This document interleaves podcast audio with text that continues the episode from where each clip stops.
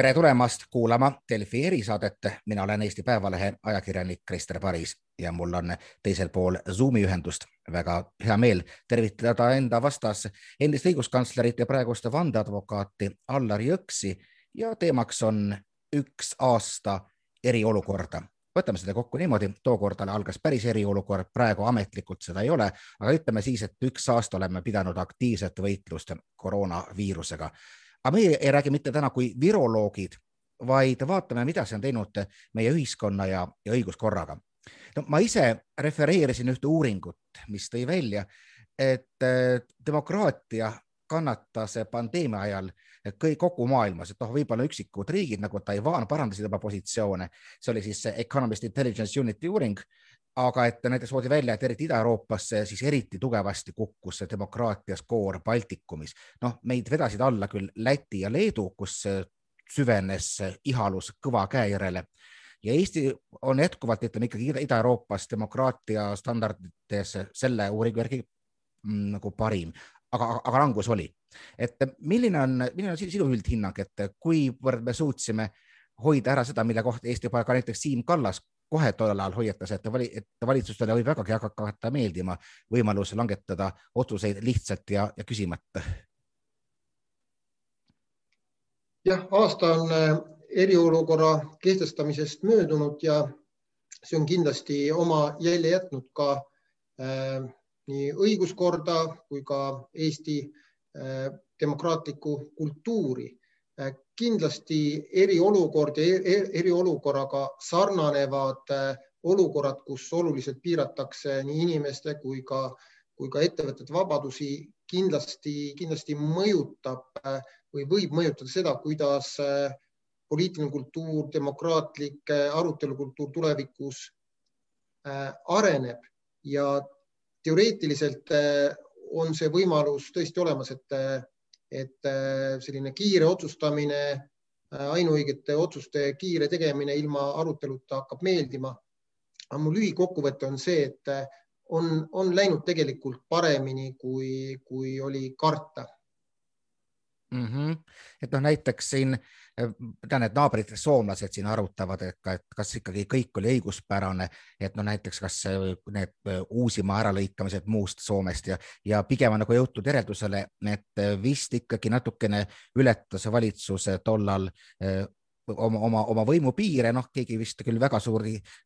suurt vastutust selle eest seal kandma ei hakka, aga vähemalt on tagantjärele selline hinnang antud. et kui, kui me nüüd vaatame ka Eesti peale, et noh, ka siin näiteks noh, Saaremaa, Hiiumaa lõigati ära, sest, sest oli lihtne, seda sai teha. mõned teised maakonnad, kus oleks võinud nakatumisnäidu järgi teha sama asja, mitte, et noh, võiks ju ka argumenteerida, et elanike ebavõrdne kohtlemine ja, aga kuidas sa nagu juristi pilguga vaatad, et kuivõrd no, oli valitsus nendes raamides, mis talle seadus lubab? ma ütleks, et laias laastus, laias laastus äh, valitsus äh, noh, pean silmas eelkõige nüüd siis Jüri Ratase valitsust, kuna uus valitsus on, on veel vähe saanud ametis olla. Laias laastus äh, ta toimis äh, seadusega kooskõlas. ma ütleks nii, et kes tegutseb, sellel juhtub ja sellises olukorras, kus, kus Eesti pole varem olnud, seal pidi mingisuguseid otsuseid tegema kiiremini, pidi mingeid otsuseid tegema, võib-olla laskma nii-öelda üle, üle nurga ja kindlasti on Jüri Ratase valitsuse tegevusest võimalik äh, välja noppida, välja noppida mingisuguseid piiranguid, mille puhul saab öelda, et, äh, et see oli õigusvastane, aga, aga ma arvan, et sellele ei peakski praegu nagu keskenduma, sellepärast ma ütlen veelkord, et et äh, alternatiiv on see, et, et valitsus ei tee mitte midagi, sest siis ka mitte midagi nagu ei juhtu. ja, ja minu arusaamine on see, et kui mõni ettevõtja või inimene tunneb, et mingisugused piirangud eelmisel aastal olid ebaõiged, siis, siis on meil kohtusüsteem, mis neid asju nagu lahendab, et kui, et mitte paljasõnaliseks jääda, siis noh, on ilmselge see, et need kõik otselennukeelud, mida siin eelmisel aastal nagu viljeleti äh, Majandus- ja Kommunikatsiooniministeeriumi poolt, noh, neil ei olnud mingisugust õiguslikku alust, nii et turismiettevõtted, lennukompaniid, noh, kellel, kellel soovi, viitsimist on, võivad ju riiki, riigi vastu kohtusse minna, aga, aga, aga, aga ütleme, et eksimusi äh, kehtiva õiguse vastu Äh, on tulnud ja tuleb ju te ka tegelikult väljaspool eriolukorda, siis kindlasti, mis on, äh, millest on ka palju räägitud, erameditsiiniettevõtetel plaanilise ravi keelamine Terviseameti otsusega eelmisel aastal, selle kohta on õiguskantsler analüüsi teinud. see oli ka ilmselgelt õigusvastane. samamoodi võib küsida, et kas kõik need piirangud asutuste, ettevõtete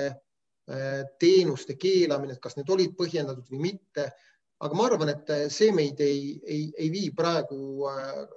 kahe tuhande kahekümne esimese aasta kolmeteistkümnendal märtsil väga kaugele, et mida, mida tegelikult võiks nagu, mille üle võiks mõelda, on see, et kuidas need piirangud, kuidas see aasta on mõjutanud valijate, meie inimeste valmisolekut, arusaamist oma õigustest, valmisolekut oma õiguste eest seista, valmisolekut öö, äh, oma, oma nagu positsioone näidata, valmisolekut teistsuguseid arvamusi öö, äh, kuulata. siin ma näen tegelikult suuremat probleemi. ma ütleks nii, et äh, minu jaoks ei ole praegu demokraatiale suurimaks ohuks mitte valitsus või valitsused või eelmist valitsust, vaid tegelikult valija valija, kelle arvates äh, eriolukorras või hädaolukorras või ütleme viiruse tõrjel riik ei olegi seotud põhiseadusega. et see, võib-olla see on häälekas vähemus, aga kui nagu sotsiaalmeediat lugeda, siis, siis see mind tegelikult hirmutab, kui öeldakse, et valitsus võib teha ükskõik mida, peaasi, et äh, viirusega toime tuleks. no see natuke samasugune asi nagu ta toodigi välja siis just nimelt Läti ja Leedu puhul, et mitte, et valitsus oleks tingimata eh, läinud üle võlli, vaid et mis tõmbas selle skoori alla, oligi see, et inimesed ise igatsesid, seal oli isegi kasutatud Läti puhul military rule, mis oli võib-olla natukene küll ülepingutatud, aga noh, on ka näha, et, et siis võib-olla valijatele vastutulekuks tehtigi selliseid komandanditunde ja teetõkkeid jah, ja ega seda võib ju tegelikult ka Eestis äh, seda, seda ihalust võib näha, sellepärast et miks praegu, miks praegu äh, äh, väga palju kõlab üleskutseid eriolukorra, eriolukorra kehtestamiseks, et selle, selle, selle taga on ju soov, et, et, et saaks Kaitseväe, saaks Kaitseliidu tänavatele ja komandani tunni kehtestada. aga tegelikult inimesed ei arvesta sellega, et seadus näeb ette, et kui eriolukord on kui Kaitsevägi, Kaitseliit tuleb tänavale, siis ta võib tegelikult tulla ka äh, iga inimese valdusesse, ta võib iga inimest hakata kinni pidama, läbi otsima äh, ja nii edasi, nii edasi, et äh, minu arvates see on asi, mida võib rakendada, aga siis, kui, kui enam mitte ükski muu vahend enam ei aita. no aga räägimegi nagu eriolukorrast, et, et mida ta siis praegu juurde annaks, et on hääli, no ma ei tea, kasvõi näiteks Eesti kahesaja poolt ja, ja on ka ikka Keskerakonnast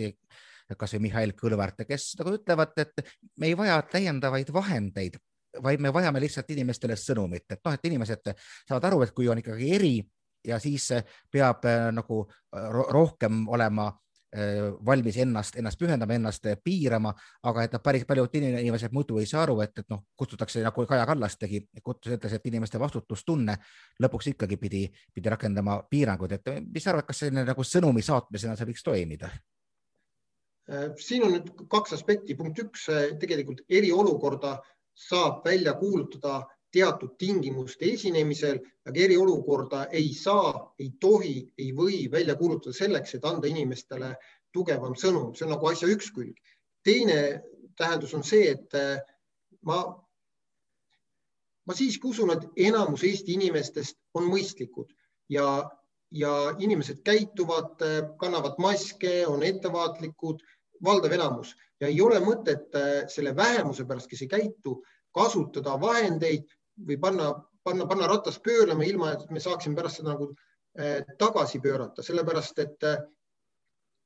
oleme ausad, et see paaniline, kuidas ma nimetan, paaniline manitsus,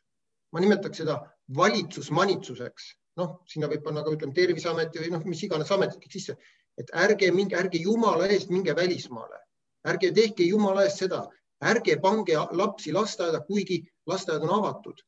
see tegelikult tekitab äh, inimestes vastupanu, vastu, äh, vastu vastureaktsiooni. soovi uh -huh. ja soovi vastu, vastupidi just käituda mm -hmm.. pluss ta ilmselt ka veel nagu ähm, madaldab sellist tegelikku ohutahet. võib-olla see natukene kohatu võrdlus, aga kui ma praegu seda kuulasin, siis äh, on ka toodud ju välja neid uuringuid, mis ütlevad, et kui te äh, räägite lastele, ma ei tea, uimastite ohust, et üks doos oled, kohe sõltlane ja kui laps selle ära proovib ja saab aru, et ei ole kohe sõltlane, siis ta enam ei usu mitte midagi, mis uimastite kohta räägitakse, see nagu devalveerib tegelikult sõnumit. No täpselt ja, ja kõik need üleskutsed, et ärge sõitke välismaale, ma saan aru sellest, et on riigid ja on, on, on, on, on, on kõik kohad, kus tegelikult võidakse ja tuuakse sisse, tuuakse sisse uusi, uusi tüvesid. samas on tegelikult ju riike, kus olukord on tunduvalt parem. ma mõtlen koroona olukord on üldiselt kümnetes, sada kord, sadades kordades parem ja kui sinna riikidesse lendavad inimesed, kes on kõik, ma kordan üle, kes on kõik testitud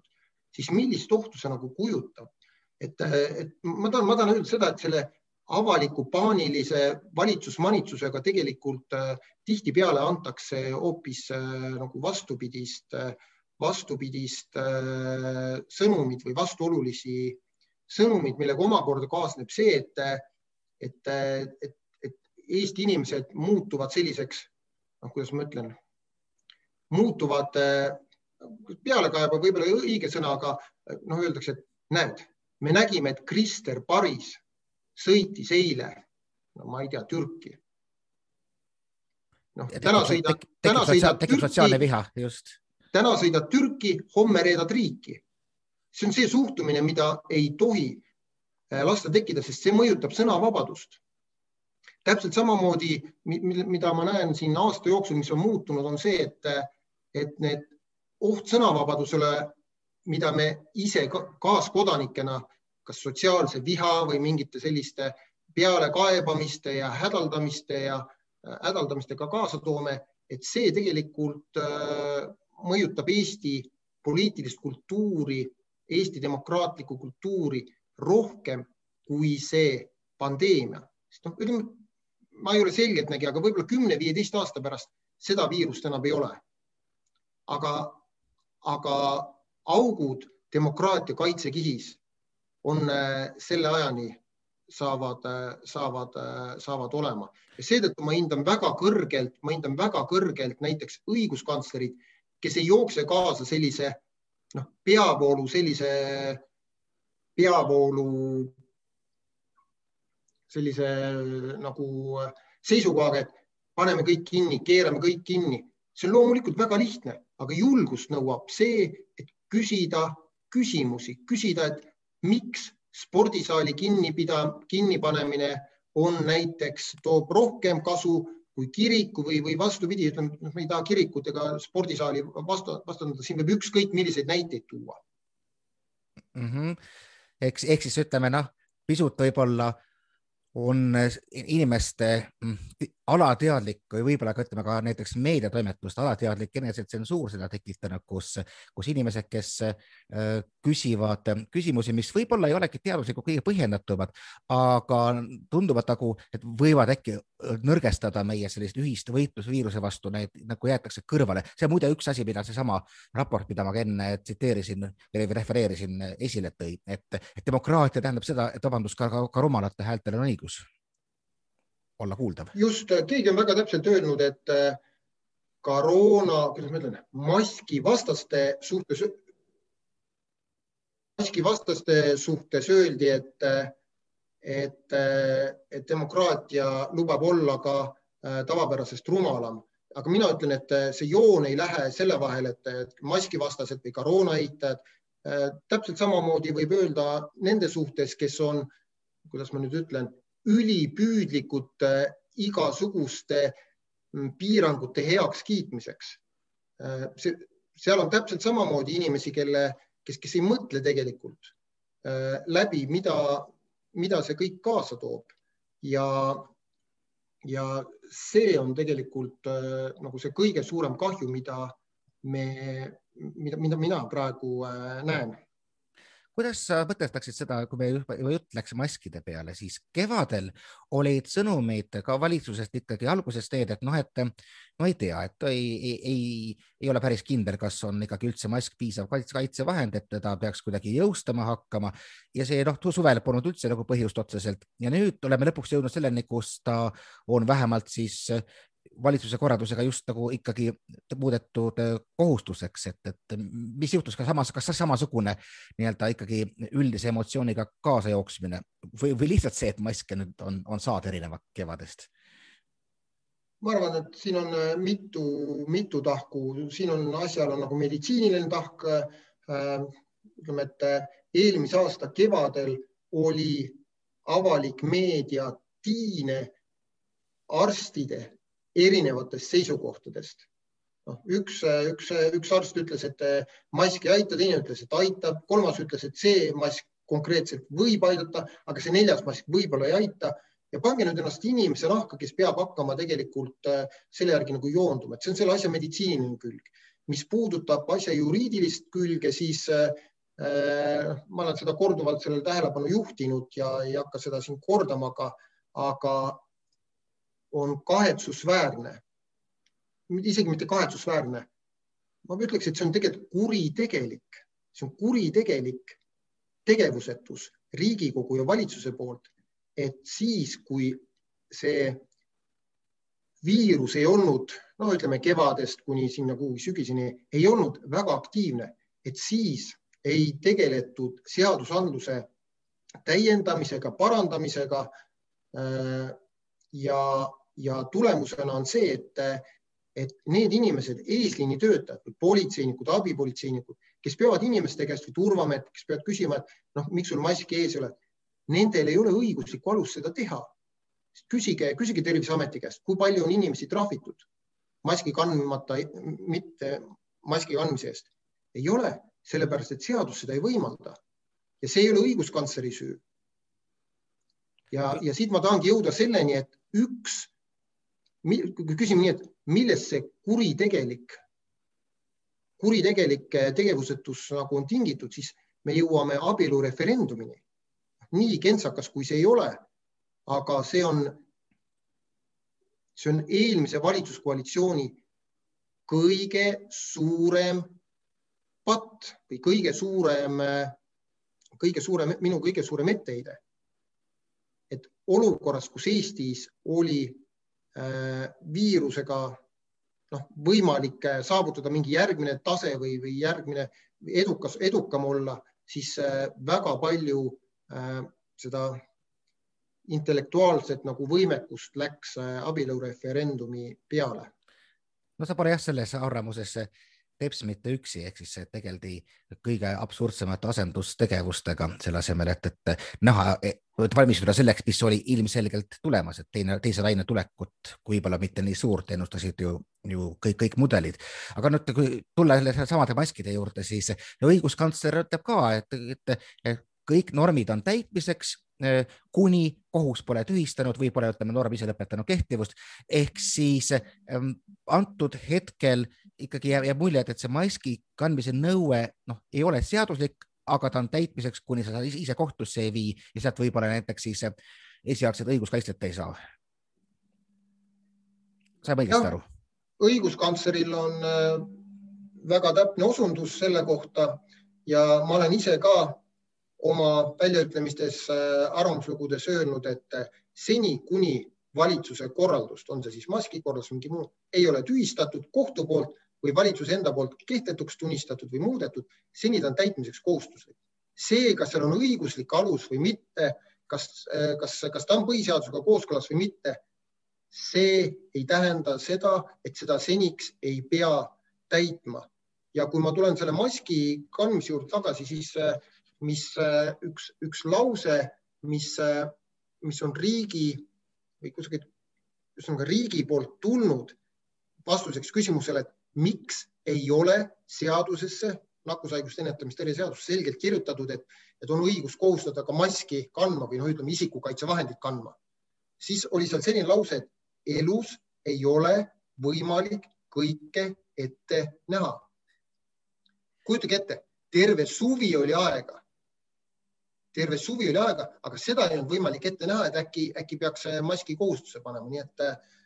just nimelt, et nagu ma mainisingi. minu arust on äh,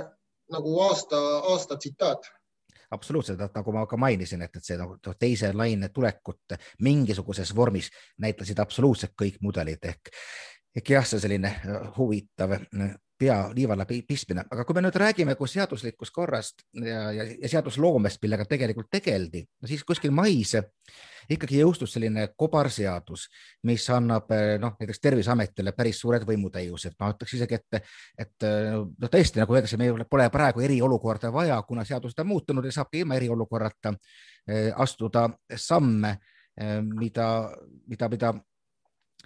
varem ei saanud ja minu meelest on isegi Terviseametile antud, kui ma õigesti mäletan, siis vähemalt kevadel kirjutati, et osad volitused, mida ei, nagu ei saagi kontrollida, et, et isegi valitsus ei saa midagi teha. see nagu tekitas juba tollal päris korraliku ähm, vastukaja. ma näiteks äh, tegin intervjuu tollal vandeadvokaat äh, Leon Glikmaniga, kes ütles sellise asja, et, et enamikku seadusi on püütud täitevvõimu tasandil kuritarvitada, sest täitevvõimule on omane soov oma võimu laiendada ja end, end maksma panna. ehk siis tema nägi selles päris sügavat ohtu. on, mis on, mis on, mis on sinu seisukoht, et, et tõesti meil nüüd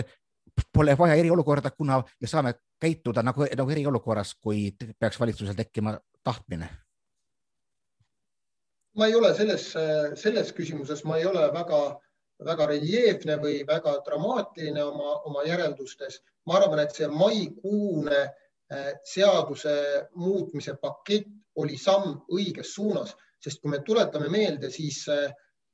eriolukord kuulutati väga paljuski välja seetõttu eelmisel aastal, et nakkushaiguste ennetamise tõrje seaduses oli, noh, ma näitan, see, see, see märk on tegelikult äh, võib-olla äh, noh, poliitiliselt on ta nagu ära, ära rikutud, aga see on null.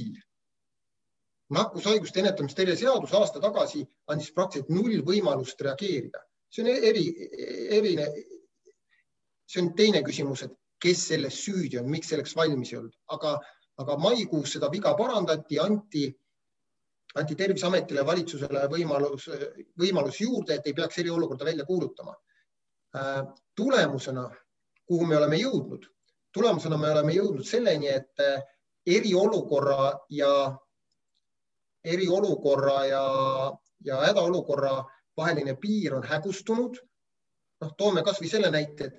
praegu ma arvan, et laias laastus on samad piirangud, võib-olla isegi rohkem piiranguid, kui oli eelmisel aastal. ühel juhul oli eriolukord, teisel juhul ei olnud, siis äh, avalikud koosolekud, avalikke koosolekuid on võimalik keelata hädaolukorras Terviseameti poolt, aga samas eriolukorras Vabariigi Valitsuse poolt. noh, siin on nagu ebaselge, mina, minu loogika ütleb see, et mida suurem on piirang, seda, seda enam peaks see olema erakordne ehk siis eriolukorras, eriolukorras äh, tehtud. ja kolmas teema, mis siit nagu haakub, kolmas teema, mis siit, äh, mis siit sellest seadusemuudatust haakub, on see, et nende seadusemuudatustega minu arvates see see, see jäme ots nihkus asjatundjatelt poliitilisele tasandile,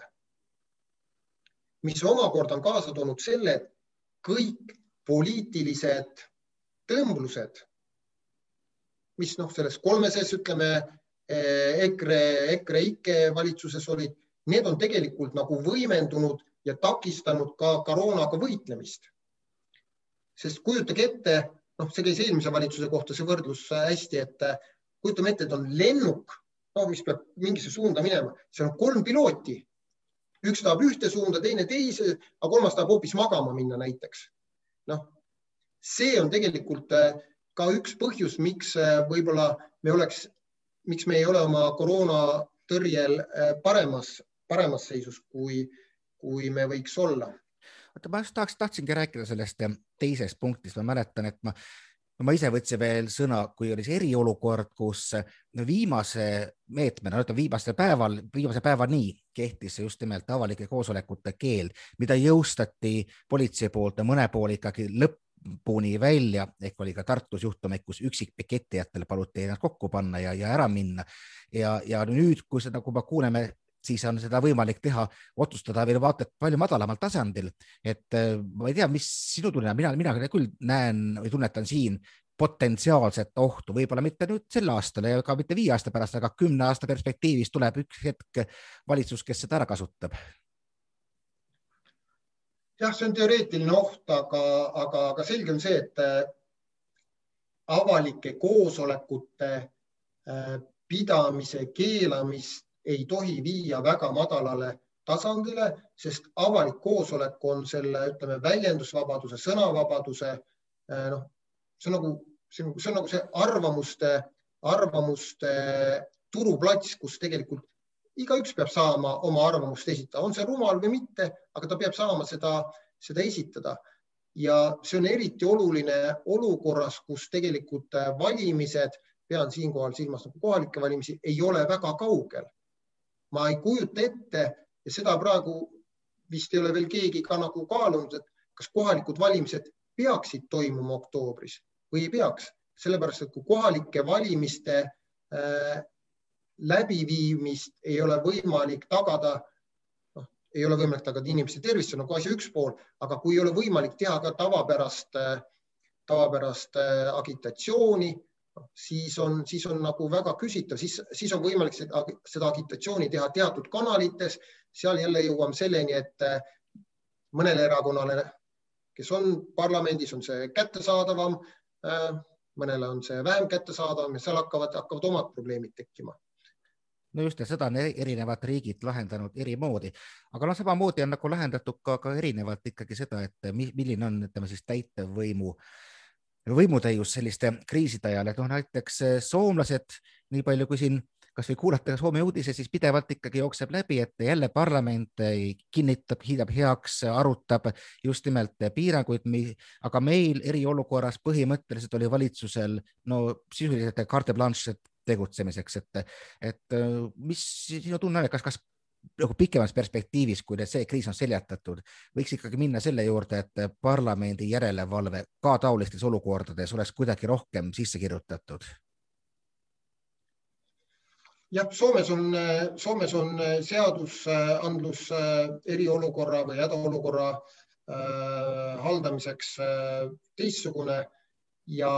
ma ei, ma ei oska, ma jään praegu vastuse võlgu, kas Eestis sellise mudeli kehtestamine oleks põhjendatud, sest äh,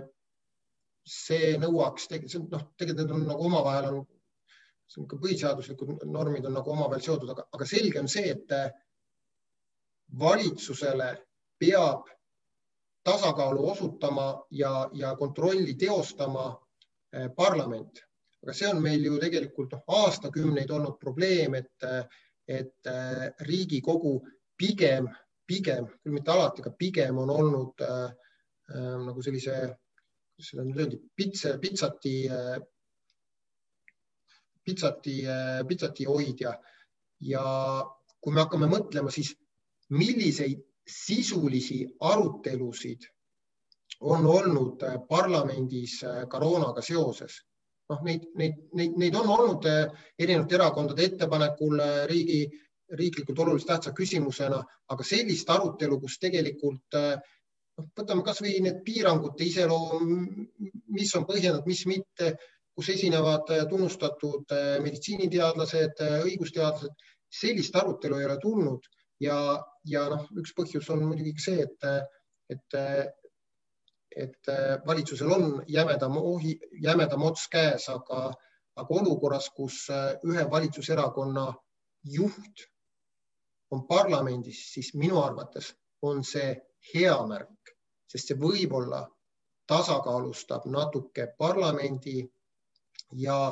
valitsuse rolli ja seetõttu ei näe ma midagi sellist taunitavat ka selles, kui näiteks Jüri Ratas äh, ütleb, et, et, et mingi asi ei olnud okei. Okay.. siin noh, tehti sellest kohe mingisugune suur skandaal, aga see on, see on, see ei ole mitte taunitav, vaid see on soovitav, et, et Riigikogus olevad poliitilised jõud või ütleme, et riigi, poliitilised figuurid ka kriitiliselt avaldavad oma arvamust valitsuse tegevuse suhtes. Noh, kui nüüd järelevalvest rääkida, siis no, meil on olnud siin ka mitmes saates juttu ja ka oleme oma juhtkirjades väljendanud umbes äh, mõtet, et kus on sellised suured kitsaskohad, no ma ei tea, praeguses digivõimekuses, mis tuleb, mis igalt poolt näkku karjub või üldse vaktsineerimise korraldamises ja peaks kutsuma kuskilt, äh, no panema mingisuguse nii-öelda valdkonna, no ma ei tea, tsaari kes siis, äh, kellel on voli kõik erinevad, erinevad pead kokku tuua ja, ja anda korraldusi nii-öelda silotornide ületamiseks. eile näiteks muidugi reformierakondlased väljendasid arvamust, et noh, sellele puudub vajadus, sest et olukorraga või koroonaga võitleb peaminister, et kedagi kõrvalt tuua, vastupidi, hägustab poliitilist vastutust, et mis sinu nägemus sellest on? eriolukorra eeliseks on peetud või peetakse lisaks karmimate meetmete kasutusele võtmise võimalusele ka seda, et siis on üks konkreetne juht, kes vastutab, kes saab, kellel ei ole mingisuguseid takistusi. Äh, eelmise aasta eriolukord näitas tegelikult, et neid otsuseid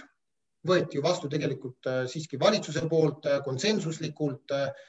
ma, ma ei mäleta, et Jüri Ratas oleks ainuisikuliselt kuidagiviisi äh, Äh, nagu neid äh, otsustusi, otsustusi vastu võtnud, mis näitab seda tegelikult, et, äh, et, see ainuisikuline otsustamine noh, ei ole alati, ei ole alati nagu ainuvõimalik, ainuvõimalik lahendus. Ja valitsusel ja peaministril on see poliitiline vastutus ju vaatamata sellele, kas ta, kas ta nüüd üksinda on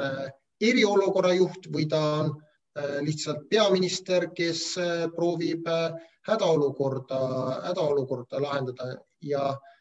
eelmisest aastast on ka ju näide sellest, kus peaminister või valitsus pidi tegelema Tartus Raatuse ühiselamu karantiini panemisega, noh, see on, see on tegelikult nagu kõige ilmekam näide, et valitsus ei pea, mitte ei pea, ta ei tohi tegeleda mikromanagement'iga. Selleks on Terviseamet, usaldame Terviseameti peadirektorit, inimesi. valitsus peaks tegelema tegelikult äh, sellega, et mõelda, kuidas me siit kriisist välja tuleme ja milles valitsused on olnud nõrgad või ütleme noh, praeguse hetkeni on,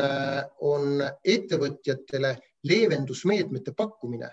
või selge sõnumi andmine, et jah, me teeme nüüd äh, selle piirangu selle ajani, aga me teeme kohe ka sellised leevendusmeetmed, teeme riigieelarvet on need ürituste korraldajad, kontserdi korraldajad, spaad, hotellid, turismiettevõtted, noh, neid võib siin kümneid ette lugeda, kes on tegelikult kannatanud. ja, ja Eesti on riigiabi osutamisel olnud tubli, kui vaadata üldnumbreid, aga samas tuleb tunnistada või noh, tagantjärele tark olles, et, et mitmed numbrid seal, need suured numbrid on läinud noh, väga-väga-väga segasel või kahtlasel, kahtlasel, kahtlasel moel. nii et valitsuse põhirõhk eriolukorras või hädaolukorras ei ole tegelikult piirangute kehtestamine.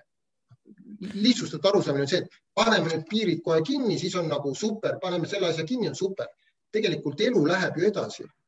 ja ekslik on arusaamine, et, et, et piirame, piirame, piirame viirust ükskõik mis hinnaga. see ei ole ükskõik mis hinnaga, tegelikult tuleks kaaluda, tuleks kaaluda, et siin on, ütleme, kui palju majandus langeb, kui palju see, kus, kus see nagu tasakaalu piir on ja see on neetult raske. see, ma ütlen, et valitsuse töö on tegelikult neetult raske. ma arvan, et ei peaks neid kaet, kadestama, sest tuleb leida see tasakaal, et, et majandus ellu jääks, aga, aga surmad ja kõik need, neid, neid ka nagu vähend, vähendataks. Ja mis, mis on veel, mis on veel tegemata, on see, et tegelikult mulle tundub, et meie ja minu arust sellest on ka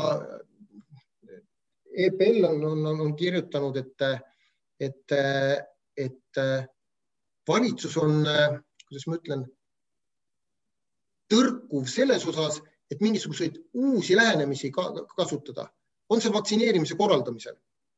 Noh, mingi inimene sai Terviseametist äh, lahti, sellepärast ta julges öelda, et, et see plaan pole päris okei okay vaktsineerimisega. noh, nüüd tuleb iga päev kinnitus, et tal oli jumala õigus huvitav, kas talle president äh, mingi aumärgi annab varsti või, või, või pressi, pressisõbra tiitli saab. teiseks see, et noh, kiirtestid. proovige saada, proovige saada ennast kuhugi nagu testima. No kui sul on saatekiri, siis sa ikka saad, aga kui sa tahad lihtsalt äh, noh, olla kindel ja noh, mis, siis tegelikult on väga raske. kiirtestid on meil, meil Terviseamet ja, ja, ja minister ei, ei luba ja siis, kui nad mingil hetkel lubavad ja ma saan aru, et praegu sinnapoole hakatakse minema, siis selgub, et sorry, aga Euroopas on suured riigid kõik ära ostnud, teil ei ole enam mitte midagi osta. ja siis me oleme jälle, jälle olukorras, et äh, oleme nagu tagantjärele targad ehk nagu, nagu üks vanasõna ütleb, et äh, tarkus tuleb põgenevate päevade kannul nagu karm karjane see on üks suurepärane lause, millega meie tänane jutuajamine lõpetada. igal juhul siis oleme aasta otsa selle viirusega ametlikult võidelnud, mõned, mõned kuud vähemalt on, on ikka minna. väga suur aitäh meiega ühinemast, endine õiguskantsler ja vandeadvokaat Allar Jõks.